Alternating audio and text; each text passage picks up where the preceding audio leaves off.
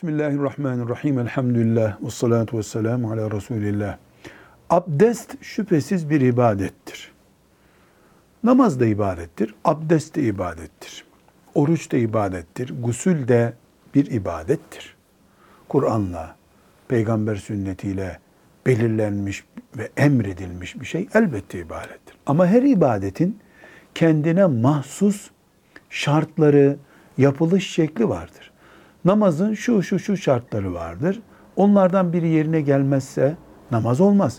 Namazda şu şu işler yasaktır. Onlar yapılırsa namaz bozulur.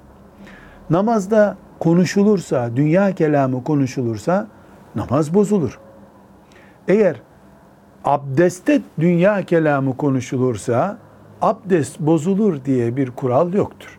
Evet abdest de bir ibadettir. Mümkün olduğu kadar huşu içerisinde dünya kelamı konuşmadan abdest alınmalıdır.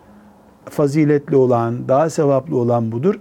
Ama dünya sözü konuşmak, gel git, şunu oldu, bunu oldu gibi şeyler konuşmak, başkalarının konuştuklarını dinlemek, abdesti bozan veya sevabını kaçıran şeylerden değildir.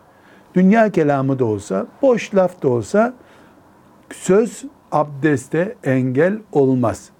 Kalitesini düşürür.